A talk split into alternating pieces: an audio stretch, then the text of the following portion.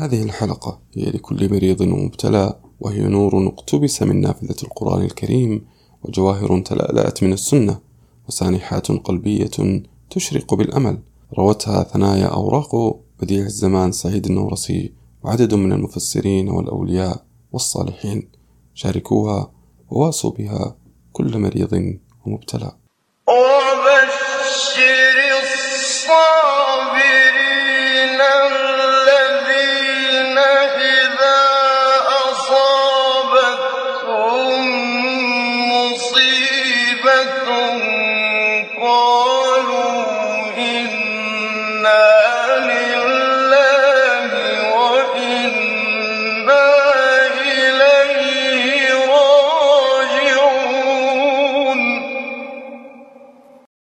البشرى للصابرين هي وعد من الله الذي لا يخلف الميعاد وبشر الصابرين هي أكبر أمل في انتظار ما نريد. هي مواساة تهبط على القلب فتزيح الغم وتشرح الصدر. وبشر الصابرين فخلف الأقدار وعد منه بفرح وبشرى ستطرق الباب. فثق بوعد الله ولا تيأس فبعد الصبر سيأتي فرح ينسي مرارة الألم. وإن أصابك المرض أو الابتلاء فاعلم أن أيامك كانت تمضي في غفلة سريعة ولم تكن تحمل لك إنذارا بما هو آت. فاحمد الله أنك أدركتها وأن الوقت ما فات. أراك المرض تلك النعم التي حجبها الاعتياد وصحوت من وهم البقاء لتدرك فرصة النقاء. إن من رحمة الله سبحانه أن ينغص على عباده الدنيا لئلا يسكنوا إليها ويطمئنوا بها. فيفوتهم النعيم المقيم. إنه يأخذ ليعطي ويبتلي ليجزي بأعلى الدرجات. دخل صلى الله عليه وسلم على أم السائب فقال ما لك يا أم السائب تزفرين؟ قالت الحمى لا بارك الله فيها. فقال لا تسب الحمى فإنها تذهب خطايا ابن آدم كما يذهب الكير. خبث الحديد وفي الحديث ولا أحدهم كان أشد فرحا بالبلاء من أحدكم بالعطاء. إن الوقت هو رأس مالك في هذه الحياة والمرض فرصة عظيمة الربح لاستثماره فصبر ساعات يقطع بك المسافات ويختصر عبادة طويلة لسنوات. ويوم القيامة سمي بيوم الحسرة لشدة التحسر على ضياع تلك الأوقات. فاصبر فإن الصابرين هم من ينالون صلوات ربهم ورحمته. تساءل واسأل نفسك عن هدفك في هذه الحياة فإذا كان الاستمتاع بالملذات هو الهدف فتحققه محال لأن المنغصات في هذه الحياة تهددنا في كل حين فمخاوف المستقبل آلام الماضي الفراق الموت الأمراض المصائب آلاف المشاكل في كل لحظة تهدد هذه الحياة. ثم أننا لا نملك من هذه الحياة إلا هذه الدقيقة فما قبلها مات وما بعدها عدم لا نعلمه ولا نضمن أنه آت. هذه الدنيا هي سجن المؤمن وجنة الكافر ومن عرفها لم يفرح لرخاء ولم يحزن لشقاء. إن الله اشترى من المؤمنين أنفسهم وأموالهم بأن لهم الجنة.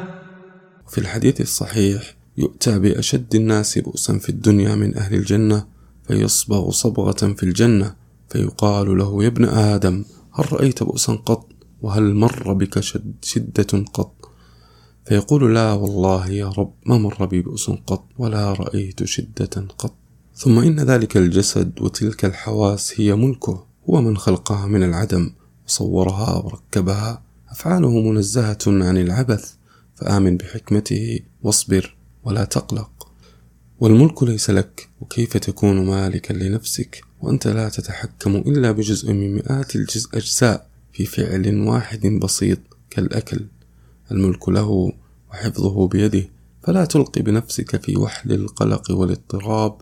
وسلم الملك لمولاه وتخل عنه فهو يتولاه ويتصرف في ملكه كيف يشاء وفق حكمته ورحمته. وحكمته عند المرض تتجلى في اسمه الشافي وتتجلى في معرفة الإنسان لضعفه فيعرف قوة ربه وقدرته ويلجأ من غفلته إلى الرب الكريم ويتعرف إليه ويقطع تعلقه بكل شيء سواه ويدرك أن كل شيء هالك إلا وجهه.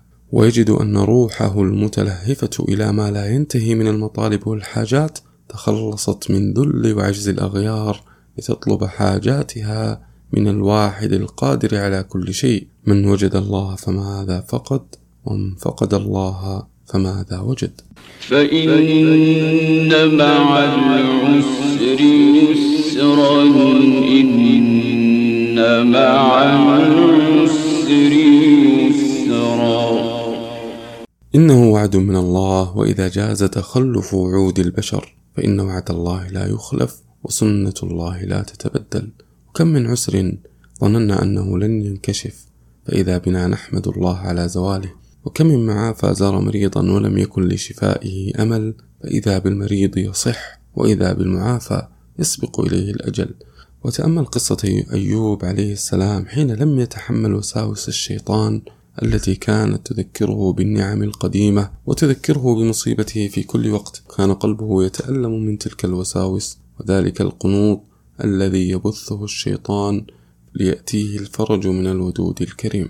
وأيوب إذ نادى ربه أني مسني الضر أني مسني الضر وأنت أرحم الراحمين. فاستجبنا له فكشفنا ما به من ضر وآتيناه أهله ومثلهم معهم رحمة من عندنا رحمة من عندنا وذكرى للعابدين. وما أنزل الله داء إلا وأنزل معه دواء فابذل الأسباب واستغفر. وترقب اليسر والفرج. قال صلى الله عليه وسلم من لزم الاستغفار جعل الله له من كل ضيق مخرجا ومن كل هم فرجا ورزقه من حيث لا يحتسب. وابدأ دعاءك بقول لا إله إلا أنت سبحانك إني كنت من الظالمين فإنه كما صح في الحديث لم يدع بها عبد مؤمن في شيء إلا استجاب الله له.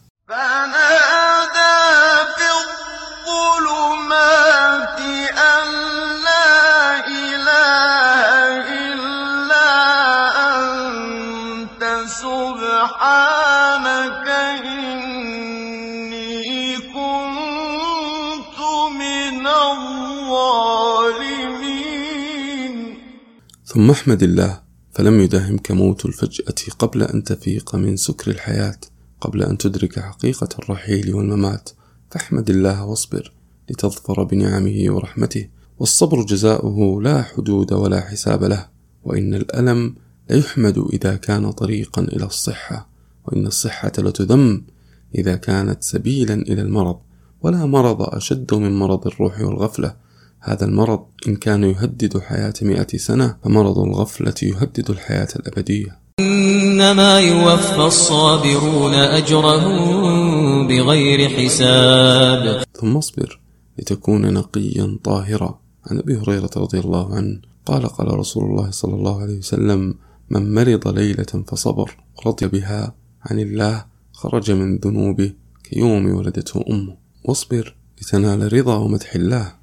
إنا وجدناه صابرا نعم العبد إنه أواب وتأمل حديث المرأة السوداء في البخاري التي جاءت إلى الرسول صلى الله عليه وسلم فقالت يا رسول الله إني أسرع وأتأش وأتكشف.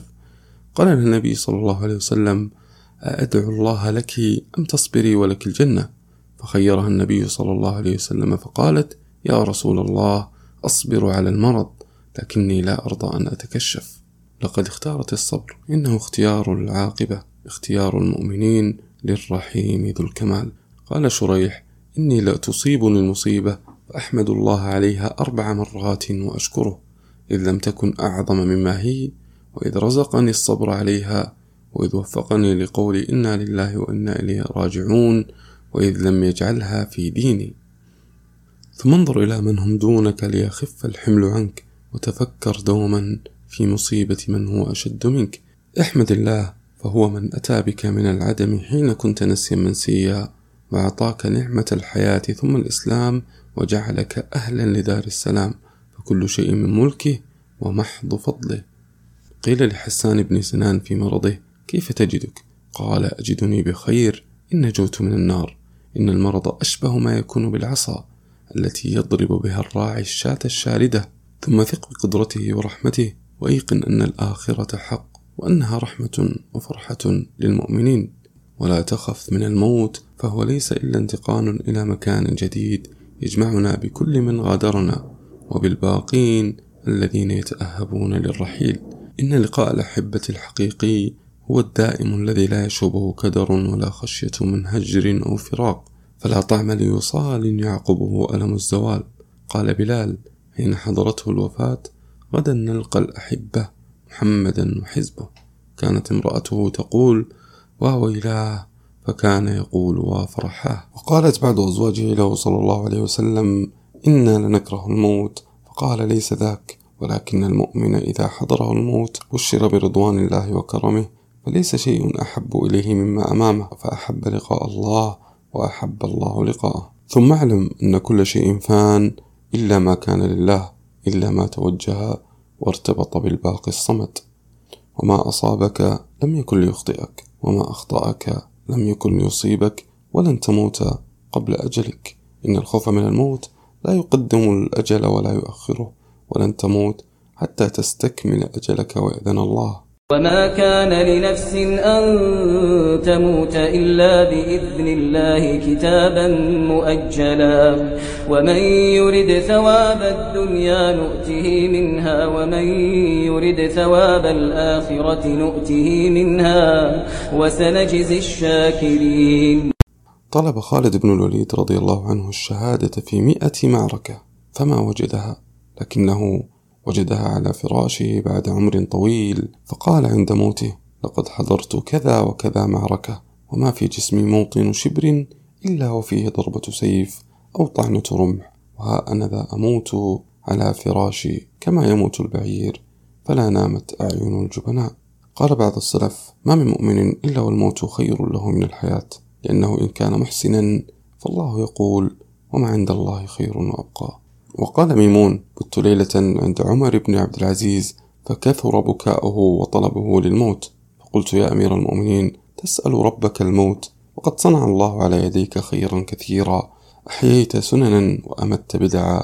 وفي بقائك راحة للمسلمين. فقال أفلا أكون كالعبد الصالح يوسف بن يعقوب عليهما السلام حين أقر الله عينيه وجمع له أمره؟ فقال رب قد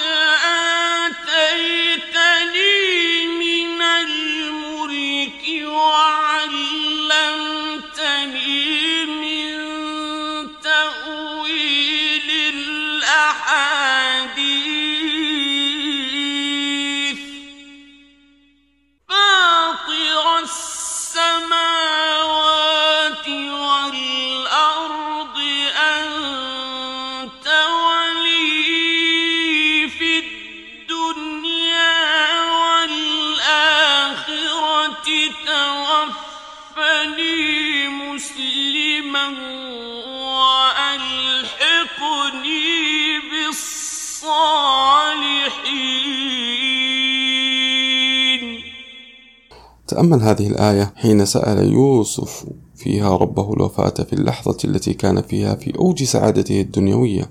تلك السعادة القصيرة. رأى يوسف خلفها السعادة العظمى والدائمة. فالثمار تتعاقب ما دامت الشجرة باقية. قد قلت إذ مدحوا الحياة فأسرفوا. في الموت ألف فضيلة لو تعرفوا. منها أمان لقائه بلقائه. وفراق كل معاشر لا ينصف ثم احمد الله إذ لم تكن مصيبة في الدين. قال نوح لابنه يا بني اركب معنا ولا تكن مع الكافرين. لم يقل ولا تكن مع الغارقين لأن مصيبة الدين أعظم المصائب.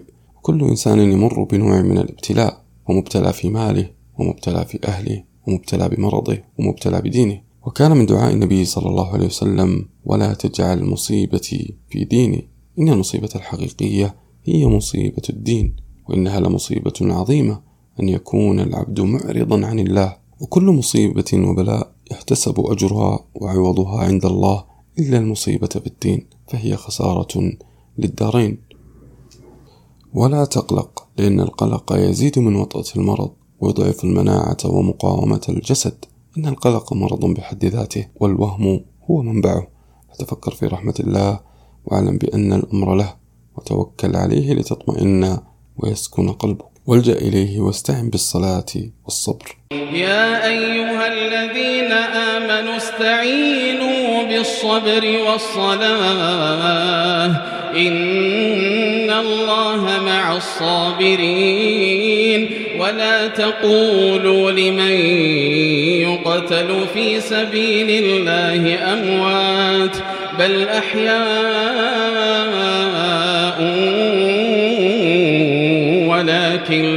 تشعرون كان النبي صلى الله عليه وسلم إذا حزمه أمر بادر إلى الصلاة. وكان يقول أرحنا بها يا بلال. فبالصبر تفتح الأقفال وينشرح البال وبالصلاة تنقشع الظلمات وتحل المشكلات. إن معنى الإسلام هو الاستسلام لله تعالى وتسليم كل شيء له. إن الاستسلام لله راحة وسعادة وأنت لا تملك من أمر نفسك شيئا فالملك له ففوض وسلم له. كل شيء. حين ألقي الخليل إبراهيم عليه السلام في النار قال حسبنا الله ونعم الوكيل. فكانت النتيجة قلنا يا نار كوني بردا وسلاما على إبراهيم حتى نواميس الكون يغيرها الله لمن عرفه ثم توكل والتجأ إليه بصدق. أمن يجيب المضطر إذا دعاه. مكث سيدنا أيوب عليه السلام في بلائه مريضا عاجزا لا يحرك إلا لسانه فصبر حتى شفاه الله. فتأمل كيف ختم الله خبر شفاء أيوب في القرآن بقوله تعالى وذكرى للعابدين فتوكل عليه ولا تتكل إلى عجزك وضعفك. توكل على من تجلت رحمته في قلوب الوالدات واستشعر فقرك وعجزك لتدخل إلى رحمته من أوسع الأبواب. وننزل من القرآن ما هو شفاء ورحمة. ما هو شفاء ورحمة للمؤمنين ولا يزيد الظالمين إلا خسارا. إن القرآن علاج القلوب وربيعها شفاء لألمك لقلقك لحزنك لكل ما أتعبك في هذه الحياة. إن فتحت أوله وجدت وإذا سألك عبادي عني فإني قريب أجيب دعوة الداع إذا دعان. فليستجيبوا لي وليؤمنوا بي لعلهم يرشدون. وإن فتحت منتصفه وجدت. وننزل من القرآن ما هو شفاء ورحمة. وإن فتحت آخره تجد. ومن يتق الله يجعل له مخرجا ويرزقه من حيث لا يحتسب. ومن يتوكل على الله فهو حسبه. إن الله بالغ أمره. قد جعل الله لكل شيء قدرا. إنه شفاء لمن تدبره بقلبه. تدبر سورة الكهف. كيف أن الخير كان في خرق السفينة وفي معروف يسدى إلى قرية اللئام. تلك الحكم هي شفاء ورحمة لكل روح مؤمنة. أشعل فتيل قلبك بتدبر سورة هود وتدبر قصص الأنبياء التي تجد فيها المرض والخوف والعقم والسجن والطرد والفقد. ستدرك أن الله على كل شيء قدير وأنه قادر على كشف كربك في كل لحظة. إن القرآن يعلمنا عدم اليأس وعدم القلق. وكلا نقص عليك من أنباء الرسل ما نثبت به فؤادك وجاءك في هذه الحق وموعظة وذكرى للمؤمنين. والقرآن أسرع وأعظم شفاء. قال ابن القيم لم ينزل الله سبحانه من السماء شفاء قط أعم وأنفع ولا أعظم وأسرع في إزالة الداء من القرآن. ثم اعلم أن الوهم نصف المرض. فابن سينا وهو أول من ألف في الطب كتب في كتابه إن الوهم نصف الداء والاطمئنان نصف الدواء والصبر أول خطوات الشفاء. وأهل الطب والحكمة أدركوا قديما تأثير الوهم. قديما قال الحكماء أن الإيحاء بالشفاء يجلب الشفاء واليوم يتفق الأطباء على أن مقاومة المرض وقوة المناعة ترتبط بالحالة النفسية للإنسان وكلما استصغرت مصيبة صغرت. إن الإنسان يملك قوة هائلة للصبر وله الخيار فإما أن يجمع قوة صبره ليواجه لحظته وإما أن يشتت تلك القوة على أوهام المستقبل والماضي ثم لا يبقى منها شيء ليواجه به المرض. وتأمل كيف أن الأيام التي انقضت ذهب ألمها وبقي ثوابها العظيم للأبد. ولو لم يكن في البلاء خير كثير لما ابتلى الله عز وجل أحب الناس إليه فأشد الناس بلاء الأنبياء. فأيوب عليه السلام احتسب ذلك الصبر عبادة خالصة. ونبينا محمد صلى الله عليه وسلم أوتي من شدة الموت وسكراته ما لم يؤت أحدا وكان يمرض مرض الرجلين وشدد عليه المرض والنزع. لأن الله عز وجل اختار ذلك حتى ينال أعلى درجات الصابرين عليه الصلاة والسلام. سلام على صدور تدبرت ولم أكن بدعائك رب شقيا فأيقنت أن صاحب الدعاء لا يشقى أبدا. واستجابة الدعاء قد لا تكون ما تطلبه بل ما تحتاجه فعلا. فربما طلبت شيئا يكون شرا لو أتاك وهو يريد ما هو خير لك. فثق دائما بأن الخيرة فيما اختاره الله وهو أرحم الراحمين. وعسى أن تكرهوا شيئا وهو خير لكم وعسى أن تحبوا شيئا وهو شر لكم والله يعلم وأنتم لا تعلمون. الحديث المتفق عليه لله أرحم من هذه المرأة بولدها. فكل تلك الرحمة التي تمتلكها الأمهات هي قطرة من بحر رحمته. وإذا كان الإنسان السخي يسر ويفرح بإنعامه على الضعفاء فكيف بالكريم الرحيم الذي أعطى ذلك الإنسان حب العطاء؟ الله لطيف بعباده هو الذي يرحم من لا يرحم نفسه. الله لطيف بعباده كافية لإطمئنان قلبك. أنا عند حسن ظن عبدي بي فأحسن الظن به وتوكل عليه. ورحمتي وسعت كل شيء فكيف لا تسعك؟ قال صلى الله عليه وسلم جعل الله الرحمة مئة جزء فأمسك عنده تسعة وتسعين وأنزل في الأرض جزءا واحدا فمن ذلك الجزء يتراحم الخلائق. ثم اعلم أنه هو الباقي فلا فناء لرحمته وكرمه. وكما يقول بديع الزمان ما دامت شجرة الرحمة باقية ستظل ثمارها تتعاقب. حسبنا من جاز الحسنة بعشر أمثالها والسيئة بمثلها. من جاء بالحسنة فله عشر أمثالها ومن جاء بالسيئة فلا يجزى إلا مثلها وهم لا يظلمون. حسبنا من تقتضي حكمته وعدالته يوم الحساب. حسبنا من وهب هذا التوق للخلود لوجدان البشر. ومن لم يعطي حاجة للإنسان إلا استجاب لها فهذه المعدة تجد ما لذ وطاب وهذا البصر. حسبنا من أخرج اللبن من بين فرث ودم ليطعم الرضيع العاجز. حسبنا من أرسل الأمطار ليخرج بها حبا ونباتا وجنات ألفافا. وخلق النوم والليل ليكون لباسا وجعل الشمس سراجا. حسبنا من تجلت رحمته في كل شيء. حسبنا من أخرجنا من ظلمة العدم إلى نور الوجود. ومن أنعم علينا بنعمة الإنسانية والإيمان والإسلام. حسبنا الله ونعم الوكيل. قل إن صلاتي ونسكي ومحياي ومماتي لله رب العالمين. لا شريك له وبذلك أمرت وأنا أول المسلمين. قال بعض الصالحين إذا أعلك الله في جسدك فقد أصحك من ذنوبك. إنها صحة دائمة وباقية خالدة وما عداها مؤقت ومهدد في كل آن وقد يرى الإنسان تلك الأمراض والمصائب شرا محضا وينظر إليها بنظرة قاصرة لكن فيها من النتائج الجميلة الكثير. فبالمرض يكون تكفير السيئات وظهور التجليات. ولو لم نعرف المرض والمصائب لما تجلى جمال ذلك الدعاء والاستغاثة بالرحمن؟ ولفتك بنا مرض الغفلة؟ الذي هو أشد وأدهى. فاطمئن وسلم ولا تخف. ولو اجتمعوا على أن ينفعوك بشيء لم ينفعوك إلا بشيء قد كتبه الله لك. ولو اجتمعوا على أن يضروك بشيء لم يضروك إلا بشيء قد كتبه الله لك. واطمئن فلن تهدر أعمالك وحسناتك وما كان ربك نسيا. وتوكل عليه لتنجو من الخوف والارتعاد أمام الحوادث. ما أصاب من مصيبة إلا بإذن الله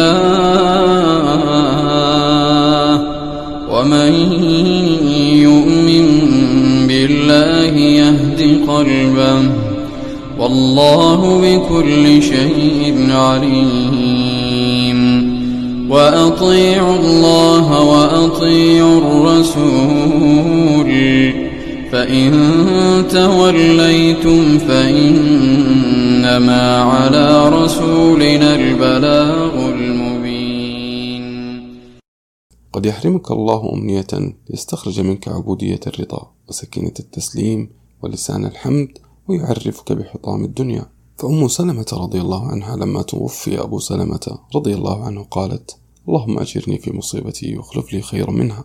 فلما انقضت عدتها رضي الله عنها تزوجها رسول الله صلى الله عليه وسلم. إن تسليم لأمر الله يحمي روحك وعقلك. إنه راحة للبال وطمأنينة القلب ثم اعلم أن الله أكبر من كل ما نستعظمه ونخافه. الله أكبر من كل هم وخوف. رحمته أكبر. فما كل الرحمات إلا هبة وتجلي من رحمته. الله أكبر من كل حزن مهما كبر.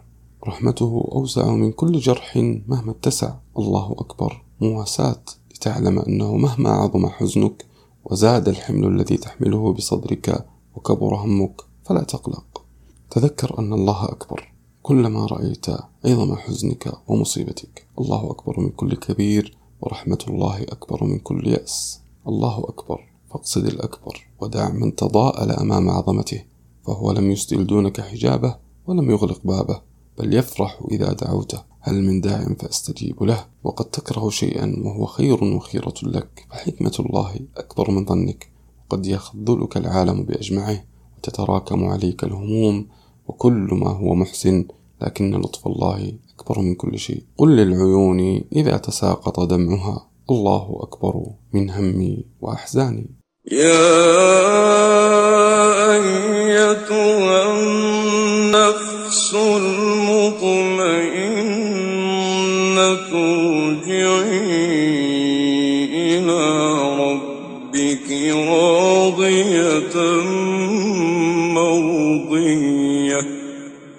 فادخلي في عبادي وادخلي جنتي.